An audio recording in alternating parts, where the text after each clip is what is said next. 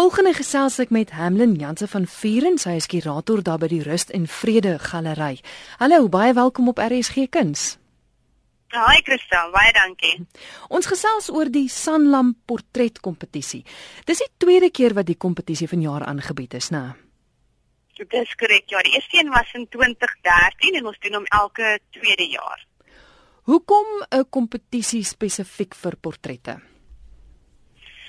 Wel, Christel, ons het gevoel daar's nogal 'n gaping in die mark vir so iets. Ehm um, daar is baie kunskompetisies en maar baie van hulle is baie beperkend volgens ouderdom en ehm um, dis baie wyd dat dit oop vir vir verskeie media en 'n portretstudie is iets wat amper soos 'n as ek die Engels mag gebruik dying art is en ehm um, ons het gevoel dit dit kort weer 'n bietjie van 'n herlewing en ook om meer op tweedimensionele kuns te fokus en en 'n uh, bietjie aandag te, te vestig daarop. Uh deesdae sien ons verskriklik baie video werk, mm, ons sien mm. allerlei uh, jy weet installasiewerk dinge soos dit. En dan in die ou skool, 'n tradisionele en en dan ook natuurlik 'n nuwe blik op wat is 'n portret. Uh so daarom het ons gevoel, daar's 'n daar's 'n gaping daarin en ons um, ons het dit onbeskaamd geskoei op op BP Portrait Award in Londen. Ja. Wat 'n baie suksesvolle kompetisie is wat jare al aan die gang is met 'n met 'n wonderlike reputasie en wat wondere doen vir kuns en vir portretstudie in in in, in algemeen. Ehm um, en uh dit dit lyk my goeie aanklank gevind by die publiek. Na die eerste kompetisie, is daar verskil in die inskrywings van vanjaar, 'n uh, uh, verskil in in wat tegniek aanbetref en innovasie en sulke dinge? Ja, daar is verskeie my verskil gewees tussen tussen die ja, vorige keer en en hierdie keer in die sin dat ehm um, ons het dit die reëls so bietjie meer beperk.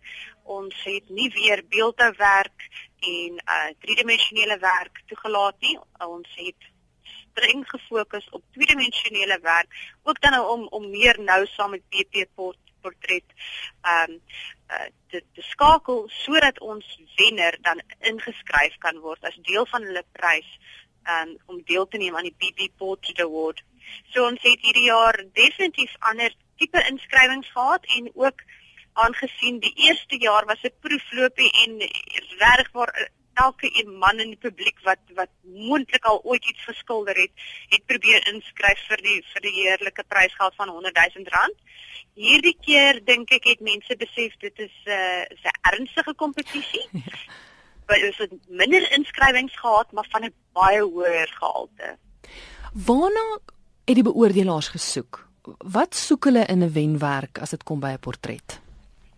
So dit was nogal 'n groot debat gewees daardie een. Ehm um, hulle het natuurlik gekyk na die na die gewone tegniese vaardigheid, maar ook wat vir ons baie belangrik was hierdie keer is om die interaksie van die kunstenaar met sy ehm um, sitter, so sê, so mm -hmm. sy sy model sien en ook iets van die emosionele kant uh iets van die persoon se persoonlikheid wat na vore kom, uh 'n oomblik wat vasgevang word in plaas van net 'n kliniese perfek tegniese studie van van die mens. Uh het hulle definitief gesoek na ietsie meer uh 'n bietjie van 'n oorspronklike uitkyk daar na na portretstudie en wat iets dieper vasvang wat wat 'n mens lus maak om weer te kyk. Mm. Die wenner is John Pace en uit die aard van die saak het het sy wenwerk al daardie elemente bevat. Ja, uh, soos ek weer en sê dit was 'n uh, dit was nogal 'n groot kontensie rondom rondom die wenner.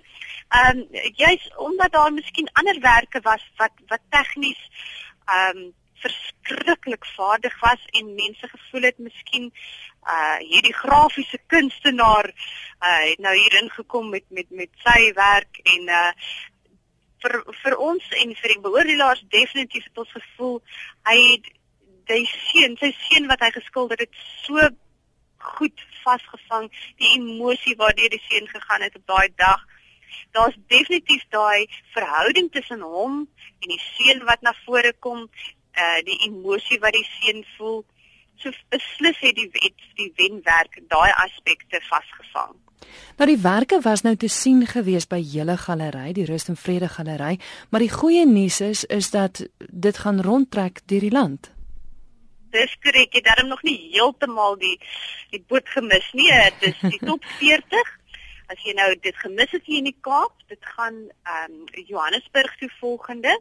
Daar is nog nie 'n 'n ehm vasgestelde datum of ehm um, plek nie, maar dit gaan na uitstallokale oor die land geneem word. So as die publiek net ehm um, ons webtuiste uh, wat uh, rustinvrede.com is met koppeltekens nou tussenin of ehm um, Sanlam Portrait Award uh, web webtuiste dophou sal hulle al die inligting sien van waar die top 40 skilderye volgende gaan toer. Dit sal omtrent vir die volgende jaar lank toer deur die land waar mense dan dit kan gaan besigtig.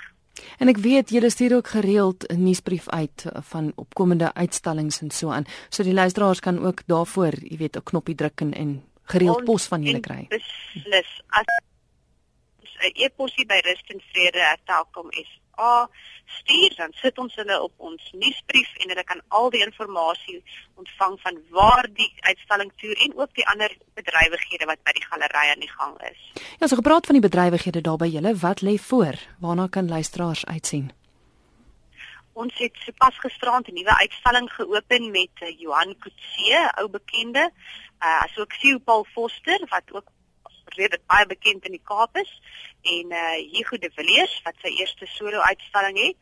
En dan uh, het ons ook vandag 'n baie interessante projek wat ons loods bietjie later vandag op ons webblad, op ons Facebookblad. 'n uh, Baie interessante projek waar ons eh uh, drukkuns wil bevorder en uh, dan nou die drukkuns oor see spesifiek wil neem 'n uh, uitstalling van 30 drukkunstenaars wil ons in 2016 in Mexiko te neem en dan ook vir hulle nooi om weer by ons uitstalling te, te hou sodat ons 'n bietjie meer van 'n kulturele uitreiling kan begin en ons wil dit 'n gereelde instelling maak. Ons begin dit afskop later vir jaar in November ook met 'n uitstalling van Oostenrykse kunstenaars wat hier by ons uitstal om ons publiek so 'n bietjie op bloot te stel aan aan internasionale kuns.